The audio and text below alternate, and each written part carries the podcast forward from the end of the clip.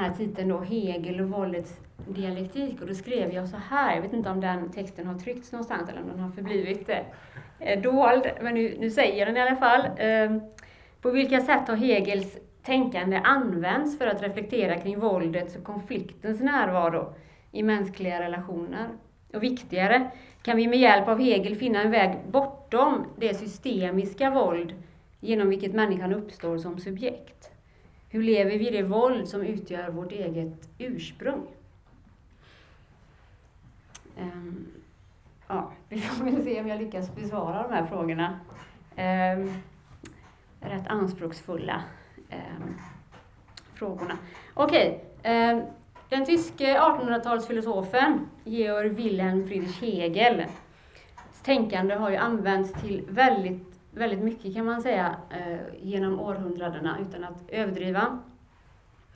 Eh, det har använts inte minst efter första världskriget som eh, eller för att reflektera kring just våldets närvaro i mänskliga relationer, maktrelationer och så vidare. Och det man ofta har aktualiserat då hos Hegel, det är just det som Hegel beskriver som kampen om erkännande. Eller begäret efter erkännande. Och jag tänkte att jag först kommer att reflektera lite grann eh, kring hur vi kan förstå den kraft som Hegel kallar för begär. Eh, och hur vi kan förstå också då detta begär efter erkännande som är det som Hegel menar utmärker eh, människan, kan man säga, eller självmedvetandet som Hegel talar om. Den våldsamma sammandrabbning som han menar möjliggör eh, subjektet eller självmedvetandet. Eh, och därefter så tänkte jag då försöka besvara den här andra frågan, hur kan vi leva det våld som, som utgör vårt eget subjektsblivande då enligt Hegel. Och då menar jag inte hur kan vi leva ut detta våld? Kanske någon av er som blir besviken här nu. kan ni gå ut och göra något annat? Eh, utan snarare kommer jag fundera lite mer kring hur vi kan, så att säga, utifrån vissheten om våldet i någon mening konstituerande kraft eh, för oss. Eh, vända på perspektivet och se denna eh, och se istället kan man säga den konstituerande och delade utsatthet. Eh, den osäkerhet, den sårbarhet, det absoluta beroende som gör oss själva möjliga. Som är så att säga andra sidan på diskussionen om det våld som formar oss. Så jag kommer landa i ett försök att aktualisera en hegelsk tankefigur kan man säga, för att politiskt filosofiskt tänka människan som utsatt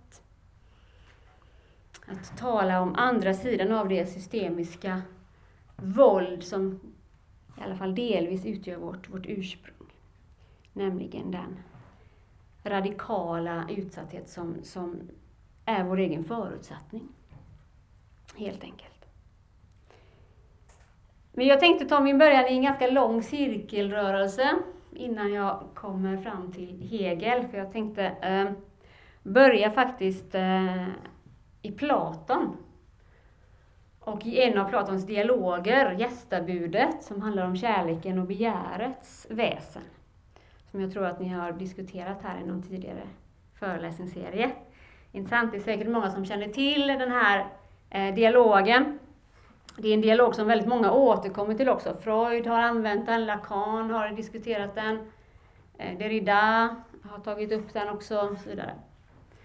Många använder det här för att tänka vidare eh, i frågor om, om begär och, eh, och kärlek.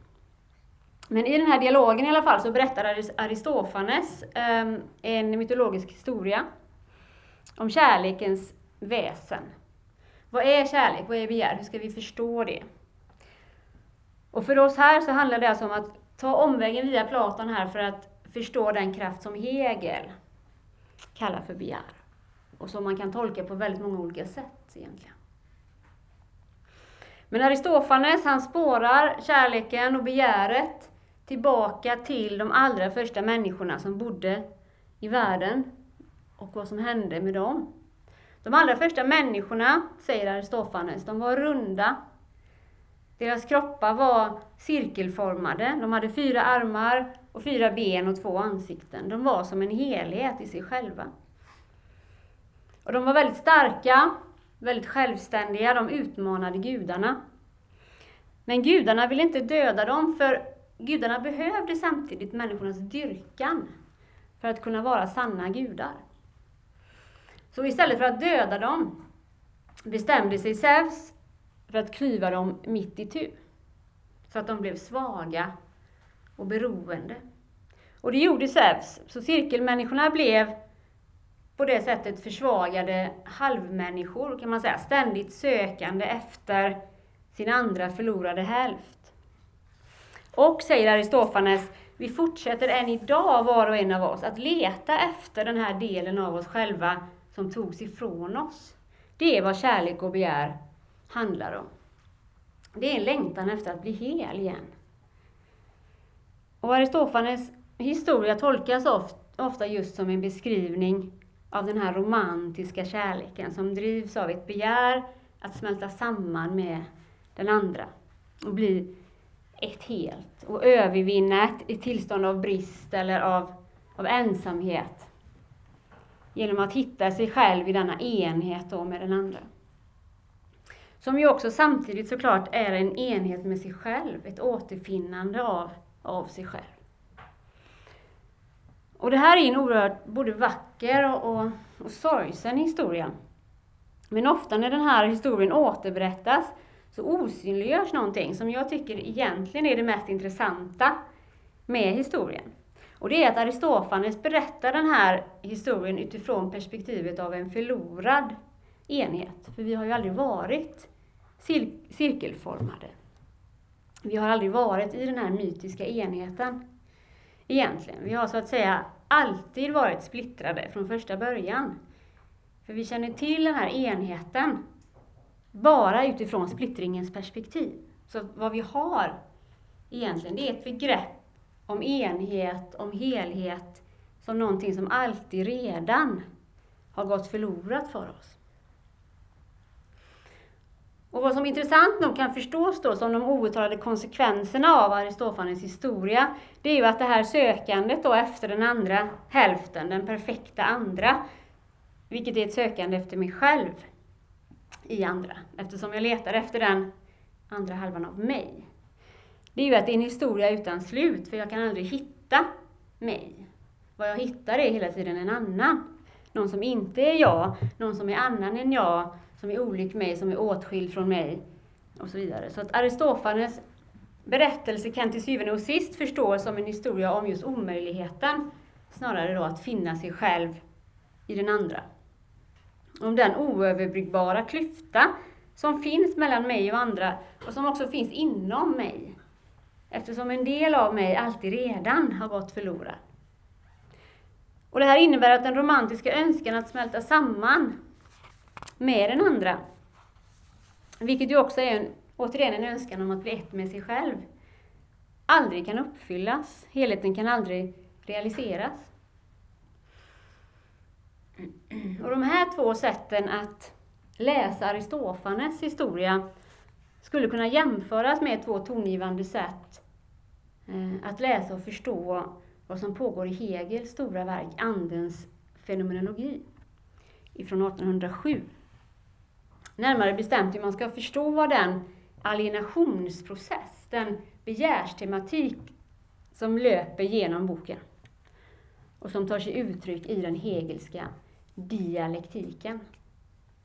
Och dialektiken det är ett utvecklingstänkande hos Hegel som utmärks av ständiga återvändanden, kan man säga. Och det som är statt i utveckling, det återvänder till sig självt i ett förmedlat tillstånd. Så att utvecklingen, tänker sig Hegel, drivs framåt av ett oavbrutet negerande av det som är, genom en inre motsättning. Det är det som negeras och överskrids, samtidigt bevaras i en mer komplex form. Och det är det som Hegel beskriver som eh, Aufhebung, det här väldigt mångtydiga begreppet upphävande och upphöjande. Så att varje utvecklingsform är självöverskridande, tänker sig Hegel, och bär på sin egen undergång, undergräver sig själv inifrån. Och utifrån ett sådant utvecklingstänkande så förstår ju Hegel historien som något som man kan kalla för andens, eller andans egentligen. Det är Geist, pratar Hegel om. Eh, Andens gradvisa och mödosamma förverkligande. Både då genom enskilda individers livslopp i historien, men också genom den gemensamma anda som genomsyrar ett samhälle och som förkroppsligas, kan man säga, i samhällets normer och praktiker, samhällets lagar och institutioner. Så anden kan man förstå egentligen som ett samhälles historiska självförståelse som når sitt högsta utvecklingsstadium, tänker sig när den blir medveten om sig själv som ande.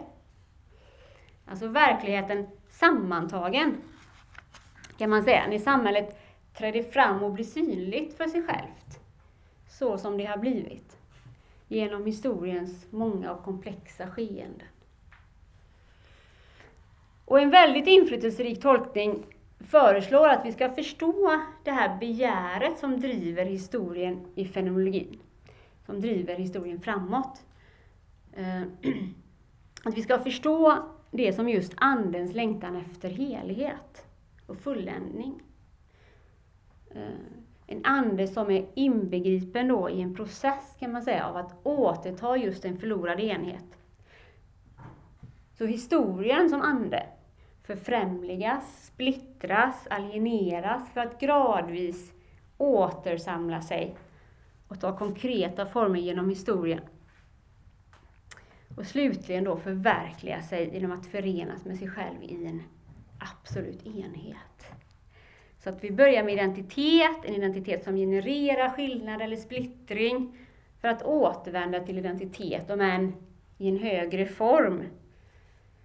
Eller om man så vill, vi börjar från enhet, vi blir kluvna mitt i tu, men vi dras obönhörligen mot och bildar återigen en enhet. Det vill säga dialektiken drivs av ett begär efter helhet som slår över i splittring, men som sedan väcker ett begär efter helhet.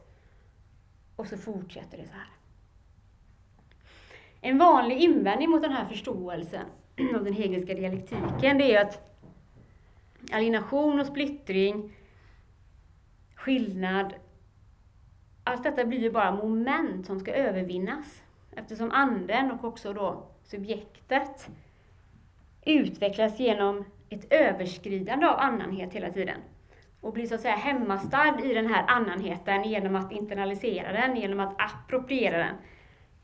Genom att assimilera den, för att slutligen då känna igen sig själv i den. Så att det andra blir egentligen detsamma. Och det är ju den välkända kritiken av Hegel ifrån så olika tänkare som Adorno, eh, Deleuze, Levinas, som alla är väldigt obekväma med en dialektik som bara kan hantera skillnad och splittring i den mån den härrör ur och återvänder till identitet. Så det är den här synen kan man säga som ligger till grund för tanken om Hegel som den stora identitetsfilosofen. Och har man denna syn på Hegels tänkande så ser man också Hegel som den stora försoningsfilosofen. Men i likhet med Aristofanes berättelse så upplåter sig också den historia som Hegel tecknade i fenomenologin för en helt annan läsning.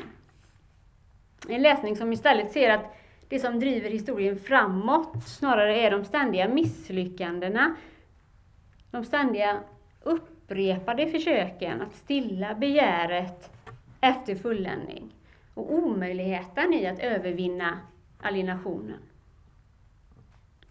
Eftersom begäret drivs av skillnad, jag behöver den andra som annan, inte som detsamma för att kunna göra mig gällande som, som mig själv. Eftersom begäret drivs av denna skillnad hela tiden och behöver den, då skulle ju sammansmältningen mellan jaget och den andra innebära slutet på all erfarenhet. Egentligen. För skillnaden skulle försvinna i likhet. Och begäret skulle försvinna ner i någon slags status quo. Historien skulle verkligen nå sitt slut. Men historien fortskrider. Genom att strävan efter enhet slår tillbaka i splittring. Och det är denna omöjliga strävan som utgör historien.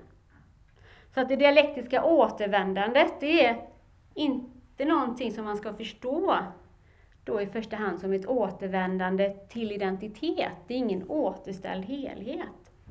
Utan det är snarare splittringens eller det negerande ständiga återkomst. Så man kan säga att I can't get no satisfaction är lite fenomenologins eh, themesång. Snarare än eh, textboksbeskrivningen av Hegel som den stora enhetstänkaren. Eller försoningstänkaren.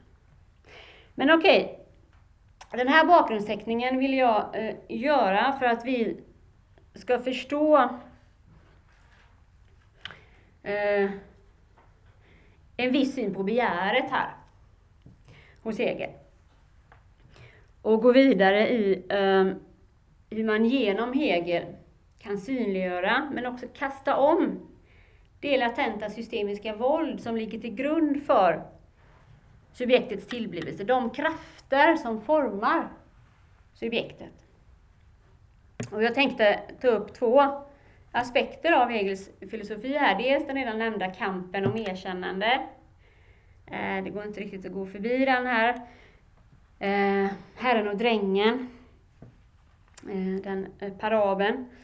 Och dels vad Hegel kallar den etiska individens uppkomst i staten genom hans idé om det etiska livet. Alltså hur individen är ett resultat av en viss samhällsbildning. Och vad det öppnar för, eh, för tänkande kring eh, subjektets formering och de eventuellt våldsamma krafter som, som verkar i denna formering. Utifrån det sen så tänkte jag föreslå eh, en aktualisering av, av Hegels tänkande som gör att vi kan omformulera frågan om det våld ur vilket vi uppstår. De våldsamma krafter som är satta i rörelse till, om vi kan omformulera det till ett vidkännande snarare av den radikala och delade gemensamma utsatthet som, som är vår egen förutsättning. Mm. Okej, okay, kampen om erkännande. Det som kallas för kampen om erkännande, det är egentligen en väldigt kort passage eh, i fenomenologin.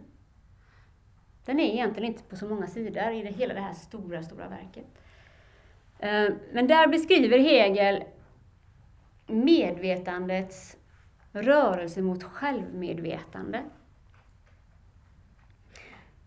Och den komplexa beroenderelation som Hegel beskriver genom den här anekdoten, den har tolkats i helt oöverskådligt många varianter. Och den verkar nästan till outsinlig i att generera nya läsningar. Ehm, man kan nog säga utan att överdriva att varje generation har sin Hegel. Att varje generation läser in sin egen tids brännande frågor och konflikter i denna kamp. Eh, och drar också den då åt olika håll. Så många som inte har läst Hegel överhuvudtaget, de har ändå hört talats om den här anekdoten om herren och drängen.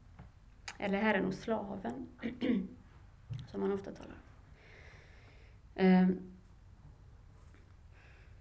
Men Hegel beskriver alltså en våldsam sammandrabbning mellan två medvetanden, som man säger, som leder till en kamp på liv och död. Och i den här kampen så vill båda försöka undanröja det hot som den andra utgör. Genom att förgöra den andra, genom att döda den andra.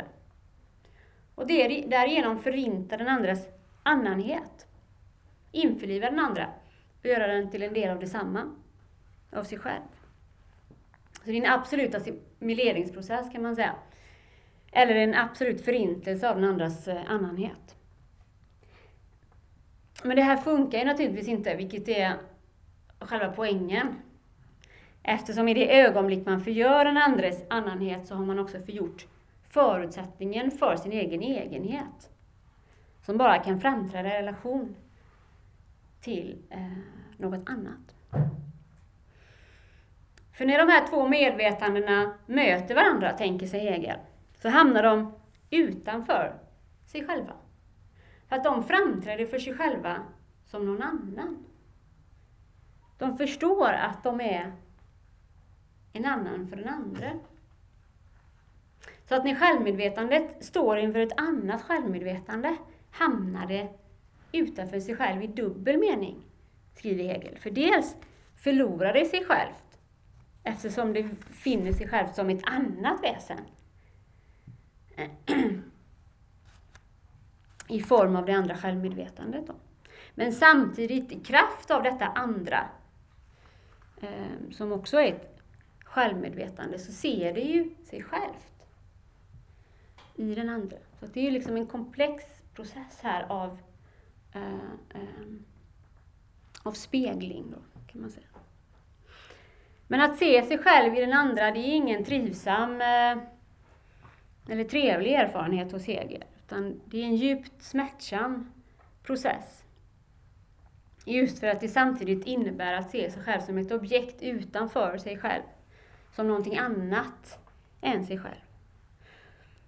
Och den här rörelsen inbegriper, som jag sa, då, flera vändningar. I ett första skede så tror sig båda kunna erfara sin egen självtillräcklighet och förvissa sig om sin egen suveränitet, så att säga, genom att avskaffa det som är främmande.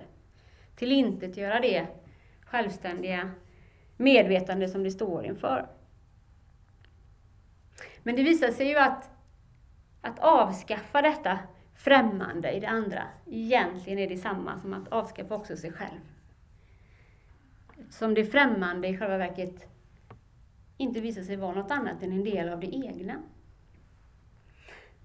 Så att bli till som subjekt i denna erkännande kamp handlar, kan man säga, lika mycket om att få tillgång till någonting.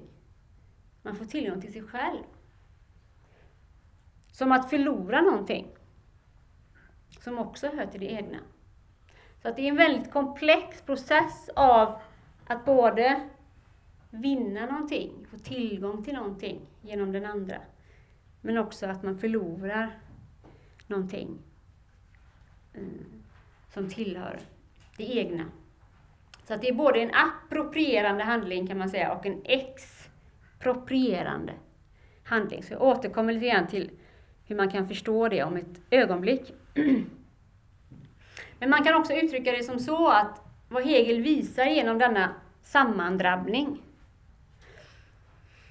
det är att det både finns ett radikalt avstånd som man inte kan överbrygga, ett, en djup och bestående separering mellan mig och den andra. Och som gör att skillnaden mellan oss består. Och på samma gång ett radikalt beroende, ett element av absolut bundenhet mellan oss som lämnar oss båda, som lämnar människan egentligen i en väldigt paradoxal belägenhet, i en omöjlig situation egentligen. Där den andra både är det största hotet mot och själva förutsättningen för ens egen existens. Och det ligger alltid ett hot om våld i denna relation. Vi delar en osäkerhet vilket också innebär att vi delar en beredskap till våld. Kanske till och med en disponering till våld. Men i fenomenologin så går berättelsen vidare med att den ene blir herre och den andra blir dräng. Det vill säga att situationen får en tillfällig lösning genom att den ene blir fri och självständig och den andra står i ett beroendeförhållande men det här är endast en ytterst temporär lösning på problemet. För att det som Herren gör mot drängen ska det visa sig vänder tillbaka och träffar honom själv. Genom att tvinga slaven till en position av underkastelse och beroende så gör sig Herren i samma ögonblick beroende av slaven eftersom han behöver slavens erkännande för att kunna göra sig gällande som herre. Och det är ju ett erkännande som egentligen är lika värdelöst som en torterads bekännelse eftersom det kommer från en, en ofri individ. Men en viktig aspekt av relationen mellan herre och dräng, eller herre och slav, det är att den visar oss att kraften att förgöra den andre i en kamp på liv och död är oupplösligt förbunden med en lika förgörande kraft riktad mot det egna jaget. Så när Herren förnekar drängen som en fri man så förnekar han också sig själv som fri man. Eftersom drängen är den enda som står som garant för Herrens position som fri. Så Herren kan man säga lever lika mycket för drängen som drängen för Herren. De är varandras redskap. Så vad Hegel tydliggör här, det är att jag återigen är beroende av den andra för att få tillgång till min egen identitet. Att våra identiteter helt och håll, aldrig helt och hållet är våra egna. Eller i våra egna händer. Men historien fortsätter också i fenomenologin eh, med ytterligare en vändning. Det kan ju verka som att drängen ändå är den mest ofrie i den här relationen trots allt, eftersom det är han som måste jobba för Herren. Och Herren lever ganska gott på, på drängens arbete. Men, menar Hegel, det är i själva verket Herrens position som är statisk och drängens som är den sanna vägen till frihet och självständighet. För Herren lever ett förmedlat vara, han är beroende av drängen som är hans enda länk egentligen till världen, till realiteten. Herren bara konsumerar. Han skapar ingenting. Han kan inte heller se sig själv återspeglad i den värld som omger honom. Drängen däremot står i direkt kontakt med världen. Drängen formar och förändrar världen i kraft av sitt eget arbete. Så genom att lägga ner en del av sig själv i världen kan han också se sig själv i det han har skapat. Och det här är ju någonting som Karl Marx tog upp ifrån Hegel och gjorde till en grundtanke i sin politiska filosofi. Marx skrev eh, på 1840-talet i de eh, ekonomiska och filosofiska manuskripten att en av de största bedrifterna med Hegels fenomenologi det var just att Hegel hade fångat människans historiska självtransformerande karaktär. Att människan är resultatet av, sitt eget, eh, av sin egen skapelse, av sitt eget arbete. Men vad som också framstår, tycker jag, som en bedrift i fenomenologin, det är att Hegel tydliggör hur människans oberoende faktiskt förutsätter hennes absoluta beroende. Det vill säga för att uppstå som ett oberoende, självständigt jag måste man stå i relation till det som är annat än en själv. Man måste vara beroende. Och det här är en, en väldigt grundläggande insikt i fenomenologin som jag tycker vi inte riktigt har tagit konsekvenserna av ännu. Vi har inte tagit på allvar faktiskt vad det betyder, vad det innebär.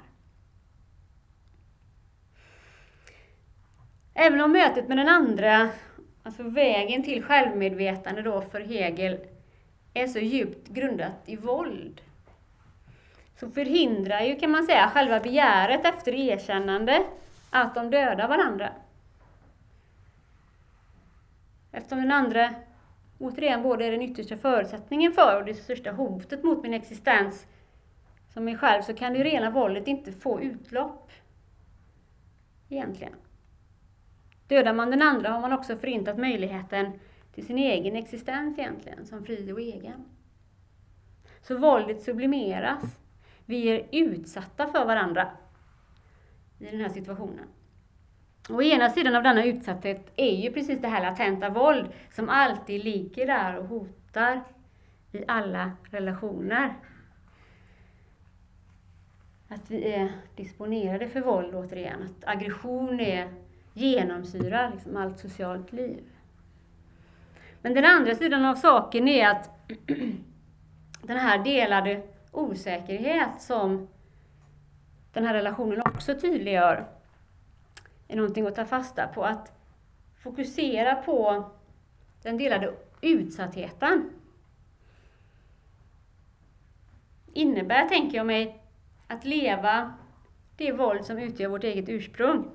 Men att leva det som en insikt om att den här delade utsattheten är det som gör oss eh, möjliga som människor. Och det är ett sätt, tänker jag, att, att vända sig också mot det våld som, som grundar oss, som formar oss.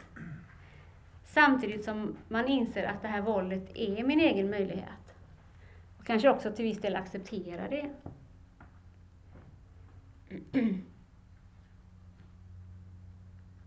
Okej, Hegel säger alltså att jag bara kan få tillgång till mig själv som mig själv genom att inte vara helt identisk med mig själv. Och det här låter ju som fullständigt motsägelse. Som liksom värsta nonsens, sådär kanske. Men egentligen är det inte så himla konstigt. Om vi går tillbaka igen och försöker förtydliga vad det innebär att ha ett självmedvetande. Det innebär ju att man, man vet vem man är. Man står i en reflekterande relation till sig själv. Vilket naturligtvis vilar på att man i någon mening har gjort sig själv till ett objekt för sig själv. Att man har ställt sig utanför sig själv. Man står i relation till sig själv som någon annan, skulle man kunna säga. Och det här menar Hegel, den här rörelsen, att stå i relation till sig själv som någon annan, är bara möjligt. Eller sker först, den rörelsen sker först, den inträffar först i mötet med en annan människa. Så det är först i mötet med någon annan som vi får tillgång till oss själva.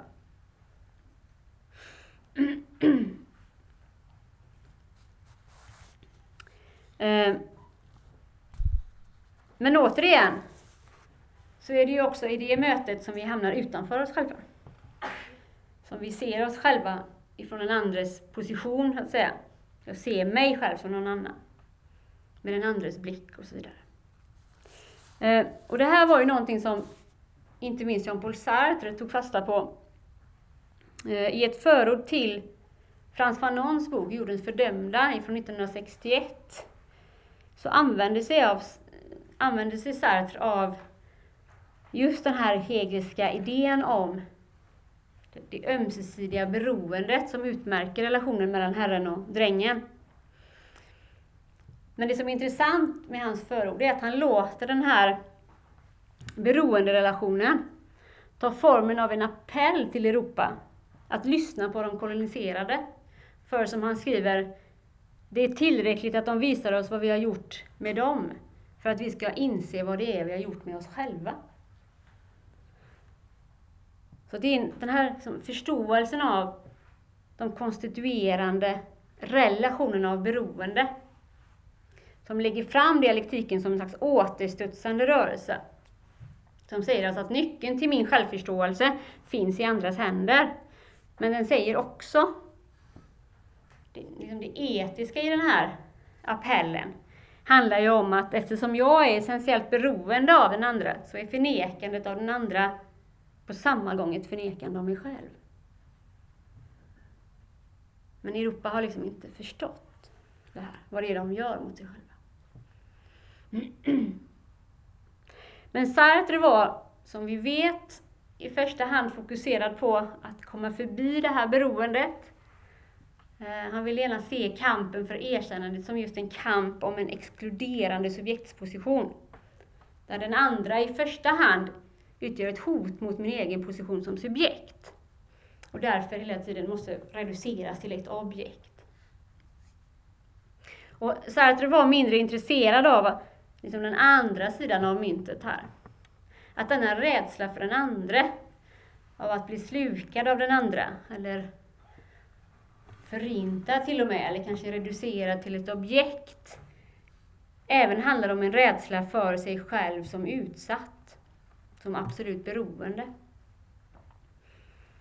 Återigen att andra sidan av det latenta våldet som skapar oss som subjekt är vår egen utsatthet. Eh, så det var någonting som liksom Sartre på typ, något sätt inte riktigt ville tematisera. Eh,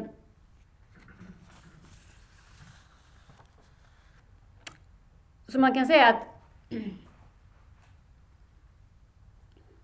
att, eh, att det är Herren då som till syvende och sist hamnar i någon slags existentiell återvändsgränd här i hela den här historien. För att använda Korsevs eh, välfunna uttryck här. Eh, den här existentiella återvändsgränden, den handlar ju inte enbart om att Herren misslyckas med att se slaven som fri och jämlik. Utan den handlar ju lika mycket, om inte ännu mer, om att han faktiskt misslyckas med att se någonting fundamentalt om sina egna villkor. Att se sitt eget fundamentala beroende. Så att förstå erkännandet som en handling som har en återvändande kraft, som vänder tillbaka mot det egna jaget, är därför inte bara att förstå som en rörelse där man får tillgång till sig själv, till sin identitet. Utan det är också lika mycket en rörelse, skulle jag vilja säga, där man förlorar någonting som tillhör det egna. Eh, jag skulle vilja eh, göra en liten utvikning här som um, lite så här etymologiskt i och för sig kanske, men som jag tror belyser lite grann vad det är jag vill komma åt. Se om ni orkar med det. Uh, här. Um, vi gör ett försök. I ordet um, egendom finns adjektivet egen. Precis som det latinska ord som det härrör ur, proprietas, från proper, det egna. Och det här ordet är intressant för det avslöjar ett samband mellan att äga och att vara sin egen. Vilket man också ser väldigt tydligt i det egendomsbegrepp som dominerar det politisk-filosofiska tänkandet kan man väl säga från John Locke och framåt. Där egendom, property, knyts till den egna personen väldigt stark. Proprius. Och det hänger också samman med det frihetsbegrepp som talar om människans autonomi. För precis som den yttersta egendomen är den egna personen, så är den yttersta friheten att vara i besittning av sig själv. Property betyder både egendom och egenskap och refererar både till föremål och till personer. Det är egendomen, att vara sin egen, som gör individen unik. Egendomen är källan till hennes egendomlighet, till hennes individualitet. Man kan säga att Hegel bryter med denna tongivande föreställning om den enskilda individen som från början sin egen. Genom att låta just hennes eigentümlichkeit, hennes egendomlighet, hennes individualitet framträda först genom hennes handlingar genom det hon skapar, genom det hon uppnår. Så individen är, påpekar Hegel, vad hon genom sin aktivitet har gjort sig till. Eller som Marx då återigen tog fasta på, det är först i det man åstadkommer som man kan se vem man är. Det är i det jag skapar som det egendomliga, det särskilda med mig framträder. Så vad Hegel beskriver det är att i handlingen att göra världen till sin, vilket är detsamma som att göra eh, sig själv till sin eh, egen i världen. Kan man säga. Det är en ytterst tveeggad handling. Det är inte bara en approprierande handling, där man vinner något, där man tillägnar sig något.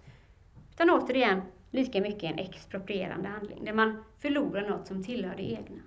För expropriering betyder, precis som det tyska ord som Hegel använder, en toiserung, avyttring, eller engelskans dispossession, det betyder liksom handlingen att av, överlåta någonting som hör till en själv. Property, proprietas, egendom, till någon annan. Så när erkännandet ses som en självexproprierande kraft, så kan det just förstås som en slags avyttring, skulle jag vilja säga. Och men i betydelsen att det som man förlorar, eller det som tas ifrån en, har man egentligen aldrig haft. Din identitet som, som dig själv, det är en enhet som i likhet med Aristofanes berättelse alltid redan är förlorad. Exproprius äger rum samtidigt som proprius.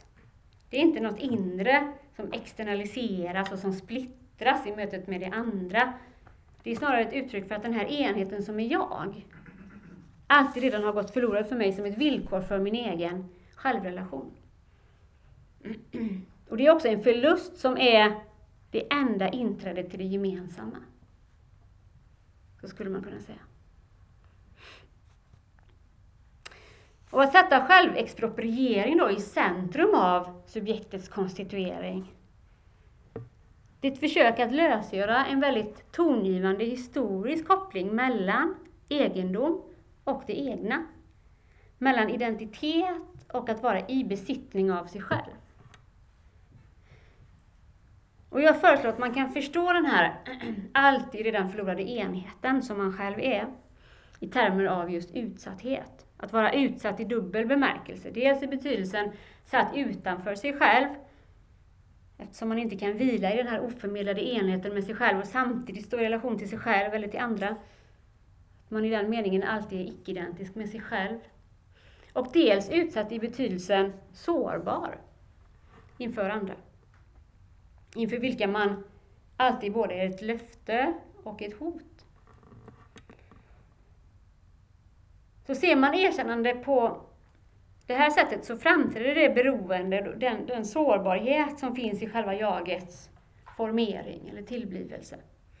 I själva subjektsblivandet och som inte heller upphör med själva blivandet. För vi är och vi förblir beroende av det som är utanför oss själva för att våra liv ska vara levbara.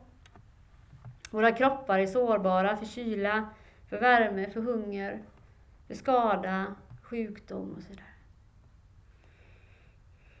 Men att ta vägen via historien och via Hegel för att försöka tydliggöra det historiska sambandet mellan att äga och vara sin egen. Det handlar, tänker jag, om att försöka göra det här sambandet mindre självklart för oss.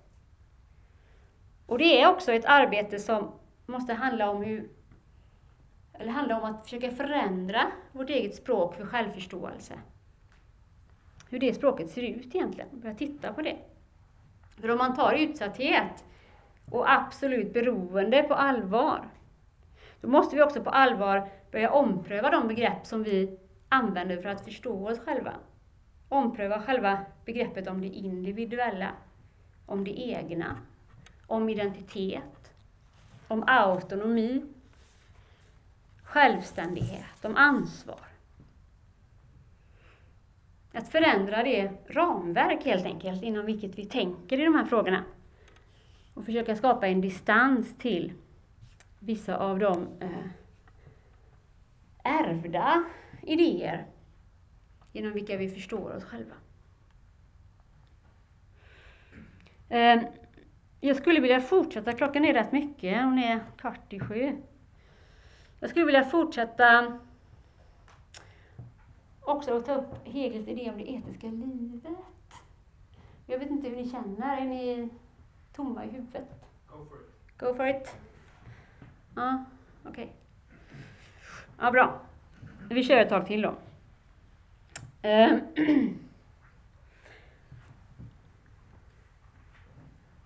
för att min idé med att tala om utsatthet på det här sättet, det handlar inte bara om en förskjutning av fokus från erkännande till vad man skulle kunna kalla vidkännande. Om att kännas vid den utsatthet som gör oss själva möjliga. Att tala om utsatthet på det här sättet handlar också om att försöka förskjuta fokus från erkännande till frågan om erkännbarhet. Det vill säga sätta fokus på de samhälleliga, de politiska rum eller utrymmen som reglerar som möjliggör eller förhindrar erkännande relationer. Att fundera kring frågan, vem är det som är erkännbar? Eh, eller igenkännbar som någon att erkänna. Inom ett visst socialt eller samhälleligt rum. Och vilka normer, vilka praktiker styr detta rum i vilket människor framträder som erkännbara, igenkännbara och inte. Eh, det finns ju det här ordet recognizable eh, på engelska. Liksom erkennen och unerkennen som är eh, motsvarigheten. Och det finns inte riktigt på svenska för vi har erkänna och igenkänna. Men det finns en poäng att de liksom vävs samman i det här ordet recognizable till exempel. Att man både är igenkännbar som någon att erkänna. Erkännbar. Men vi får prata om detta, att vara igenkännbar som erkännbar i brist på, på bättre ord. Här. Men följande frågor tänker jag mig blir intressanta här. Hur blir ett liv egentligen erkännbart? Och därigenom framträder som någonting som bör erkännas som mänskligt. Under vilka villkor, under vilka ramverk av sociala normer blir människan igenkännbar som erkännbar? Och vilka mekanismer gör vissa oigenkännbara eller icke erkännbara? Och här tror jag att ett visst sätt att tänka dialektiskt skulle kunna ha en viss eh, relevans genom att man intresserar sig för vad som inte ryms inom ett dialektiskt tänkande, vad som hamnar utanför. Eh, vad man skulle, kalla, skulle kalla, kunna kalla för en slags dialektisk eh, övergivenhet. Och här då skulle jag vilja gå tillbaka till Hegels idé om det etiska livet, vad Hegel kallar för Sittlichkeit. Eh, förstådd som en teori om hur individen uppstår som en individ i staten. Och det kan man säga är en teori om det sociala utrymme som reglerar just relationer mellan människor. Och om hur individen uppstår då i detta utrymme. Och så förstått så kan man säga att det är en redogörelse för de sociala normer som styr subjektsblivande. Faktiskt hur vi framträder som erkännbara för varandra. Och hur detta framträdelserum är strukturerat, hur det är reglerat. Och även här finns det en idé om ett latent, osynligt systemiskt våld som ligger i skapandet av individen som ett erkännbart subjekt i staten. Och det är inte så att Hegel intresserade sig speciellt mycket för det våldet. Eh, utan det är ju eh, någonting som eh, han kan säga att hans tänkande öppnar för, men då får man dra Hegel liksom åt åt håll så här, man får bända honom så. Åt håll som man själv inte tog, liksom, eller riktningar som man själv inte gick. Men man kan säga att han öppnar för ett sånt sätt att eh, tänka. Eh, där eh, där man intresserar sig mycket, kan man säga, för eh, hur man som ett subjekt måste underkasta sig en serie av uttalade och outtalade normer för att kunna uppstå som subjekt. Våra identiteter, liksom våra kroppar, är eh, sociala fenomen de kan aldrig riktigt bli våra egna. De utspelar sig i ett rum där vi eh, bara delvis liksom har kontroll över det som är eh, vårt eget. Så att de utspelas, kan man säga, i ett rum av erkännande relationer.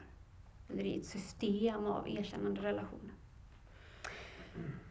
Men okej, okay, med den här, den här idén då om det etiska livet så bryter Hegel med de tongivande liberala idéerna i hans samtid som hävdade att en stat uppstår genom att individer sluter sig samman kontraktsteorin, känner ni säkert till. Um, samhället bildas av en sammanslutning av individer. Och det här vänder Hegel upp och ner på, kan man säga, genom att hävda att det är bara genom att leva i en viss gemenskap som individen uppstår som etisk, som politisk varelse. Det vill säga, individen är ett resultat av en viss samhällsform. Det är ingen utgångspunkt. Och det här innebär att för att en människa ska uppstå som individ, det vill säga erkännas som sådan, det är viktigt, måste den vara del i det sociala rum där ens partikularitet, där ens särdrag som individ är igenkännbar och erkännbar i namn av det allmänna. Så att individen, menar Hegel, är resultatet av en förmedling som gör att den enskilda människan går från att vara i ett tillstånd av abstrakt och oigenkännbar partikularitet utan något socialt innehåll till att bli partikulär på ett sätt som är igenkännbart och som är möjligt för andra att erkänna. Först då framträder man som enskild, specifik individ. Genom att ens partikularitet har fått en form som är igenkännbar, erkännbar, i namn av det allmänna. Och om man uttrycker det lite mer radikalt än vad Hegel själv skulle ha gjort, vi bänder honom lite här, återigen, så kan man säga att ens individualitet ytterst är en samhällelig institution.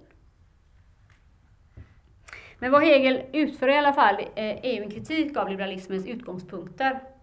Och den kritiken kan man dra åt lite olika håll. Man kan dra det åt ett kommunitaristiskt håll, där man använder Hegels idé om det etiska livet som en normativ princip, som ser hur individen blir till och utgör närmast en organisk del av en gemenskap. En idé som kan bli väldigt konserverande och till och med konservativ, statisk. Ehm.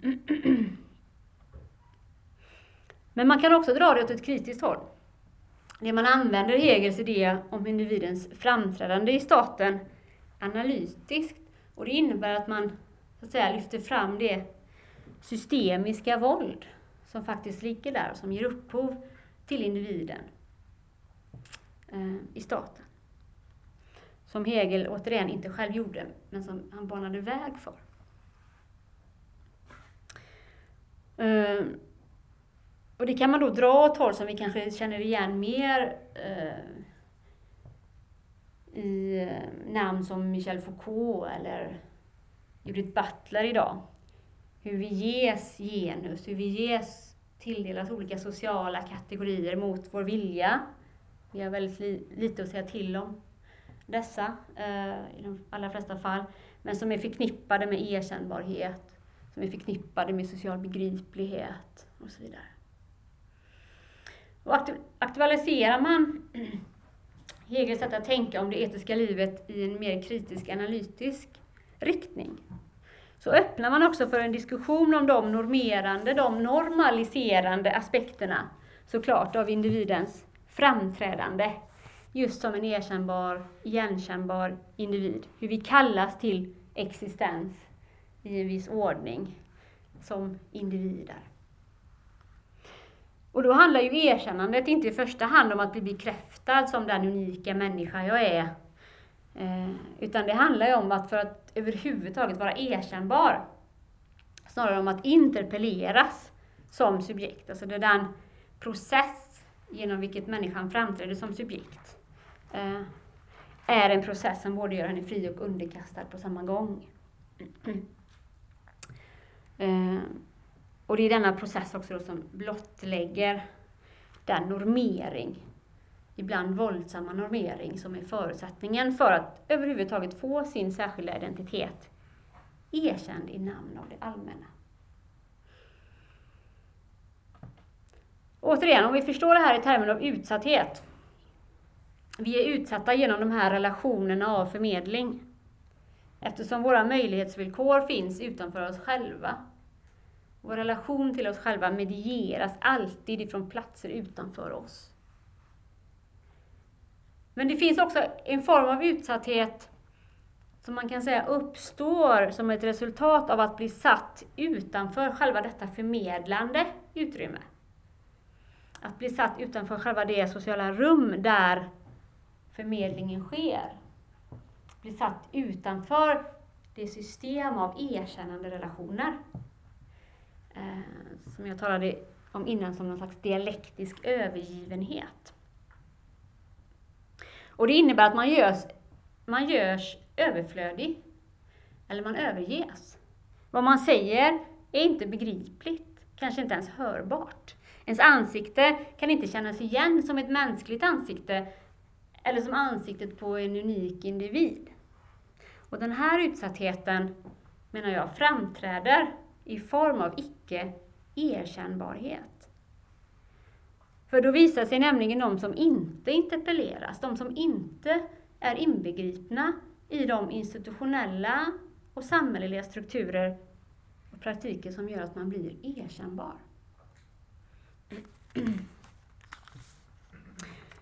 Om vi återvänder till Hegels idé igen om att universalism inte kan ha sin utgångspunkt i en abstrakt likhet. Vi är alla individer. Eller vi är alla människor. Utan det är alltid resultatet av en förmedling som har sin förutsättning i det partikulära. Man måste alltså hela tiden ge det universella konkret form. Det universella finns aldrig enligt Hegel från början som en utgångspunkt. Utan Äh, man måste göra det universella gällande genom det partikulära. Så vad som händer när man görs dialektiskt överflödig, det är ju att ens partikularitet inte görs begriplig inom ramen för någonting gemensamt. Det universella kravet, jag är en människa, jag har rätt att omfattas av de mänskliga rättigheterna, till exempel. Det är just en sån här universalism som tar sin utgångspunkt i en abstrakt likhet. Vi är alla människor. Jag är människa. Jag har rätt att omfattas av de mänskliga rättigheterna. Och som egentligen inte har någon konkret innebörd. Den saknar konkret form eftersom den inte har blivit dialektiskt förmedlad, om vi skulle eh, tänka Hegelskt här.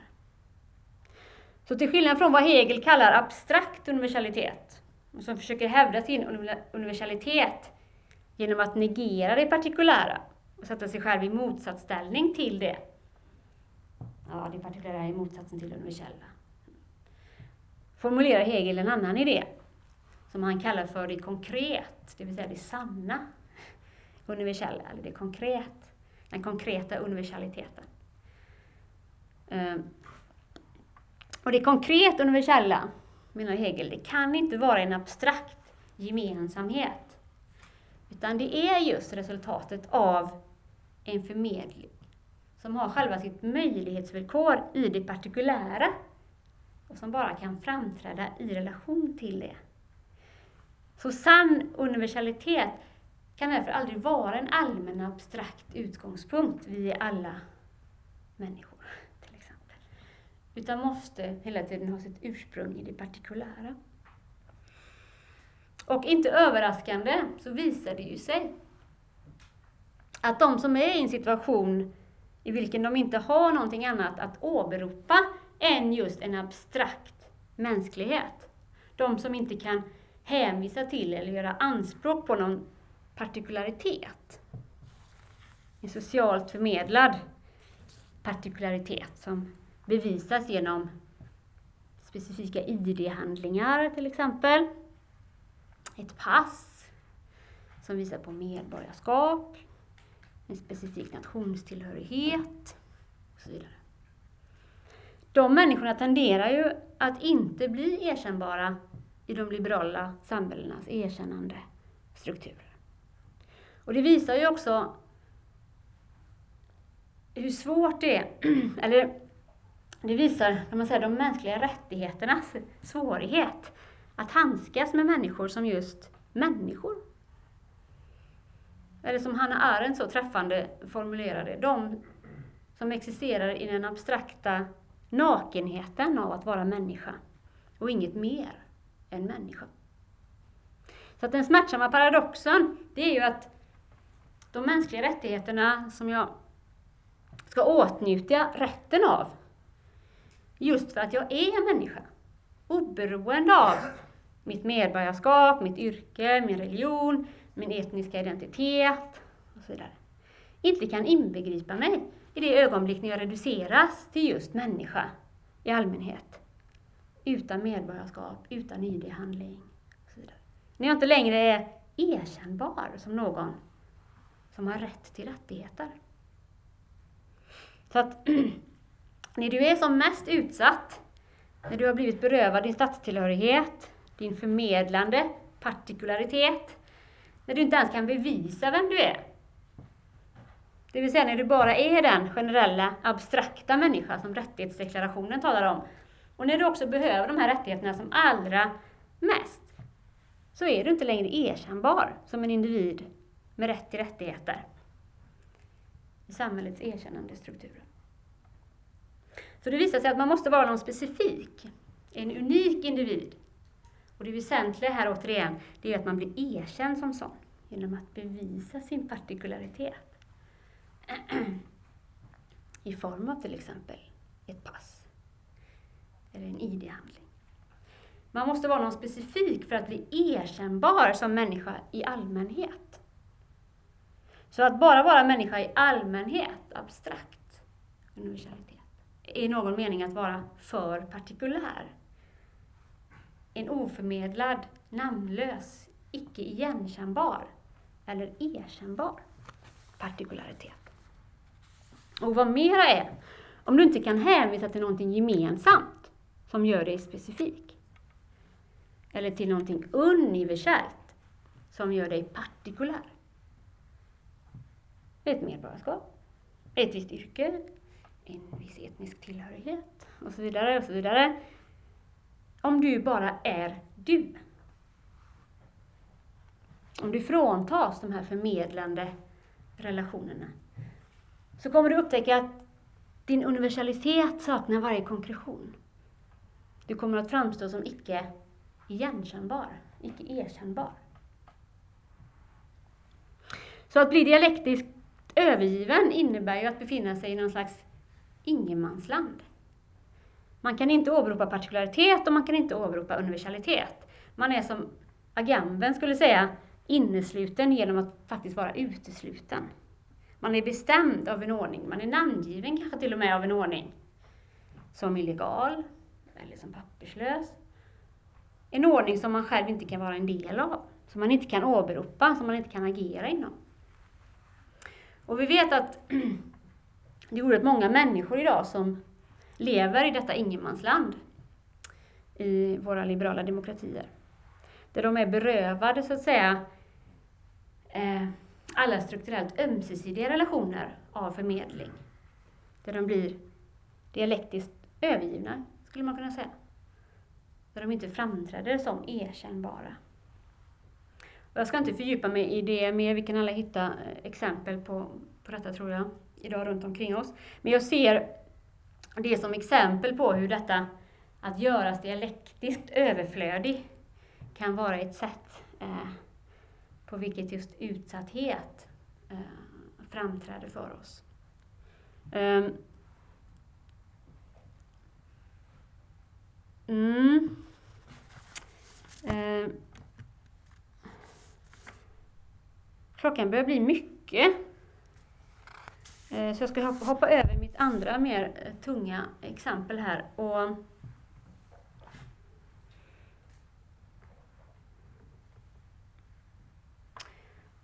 eh, och säga någonting avslutningsvis, men, men kanske ska vi ändå ta en paus nu. Klockan är snart tio över sju, det är mycket.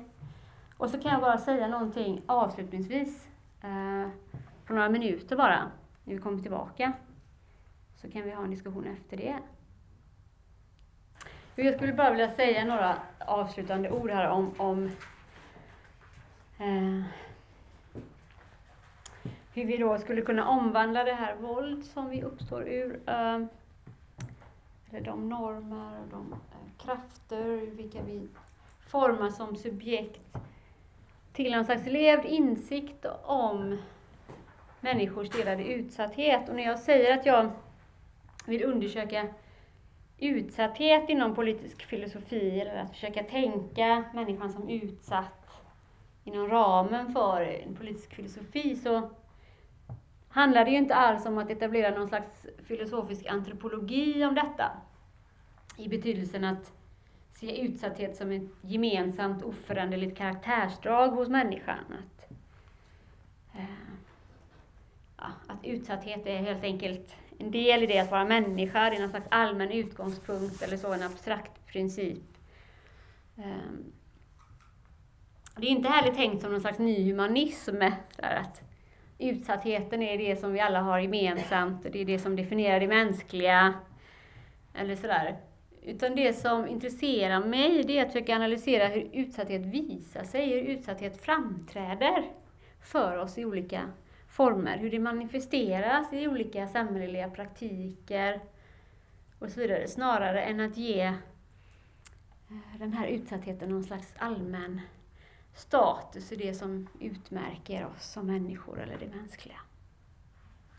För den utsatthet som framträder i en situation av någon slags dialektisk övergivenhet då, den, den visar ju sig som en slags obestämdhet, skulle man kunna säga, vad gäller det mänskliga. Snarare än någonting som är gemensamt för alla människor som en utgångspunkt. För det visar sig att det som är erkännbart som mänskligt beror ju väldigt mycket på de sociala och politiska krafter som är satta i spel. Och att det mänskliga inte alls är någonting givet på förhand. Det liksom, finns ingenting i oss som är erkännbart för oss i allmänhet egentligen, som en abstrakt sanning. Utanför de samhälleliga och politiska processer som reglerar erkännbarhet. Vad man hävdar då, att alla människor, alla individer och personer är erkännbara i egenskap av att de är människor, eller så, så har man ju missat poängen. Om man ser erkännandet som någon slags universell potential som tillhör alla människor i egenskap av att de är just människor. Det blir liksom ett normativt ideal som blir själva utgångspunkten. Och då skulle man ägna sig åt vad Hegel skulle kalla en falsk, abstrakt universalism. Så frågan att undersöka är ju snarare, vad är det för normer som styr erkännbarhet och som gör att vissa framträder som erkännbara och andra inte? Vad är det som gör en levande varelse till ett igenkännbart och erkännbart subjekt? Och hur styrs själva villkoren eh, för det erkännandet?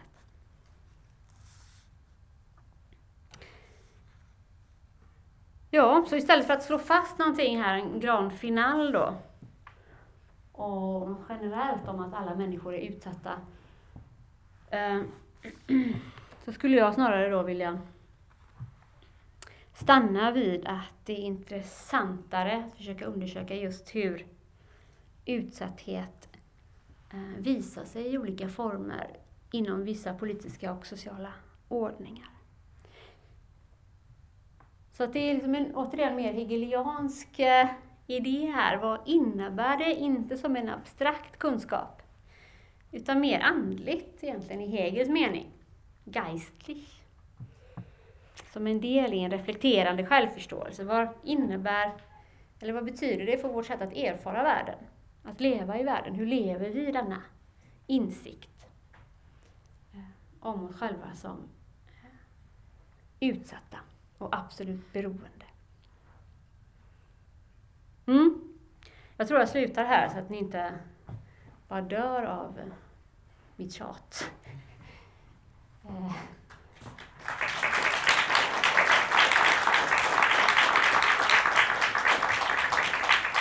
Känns som att jag har malt och malt och malt och malt här.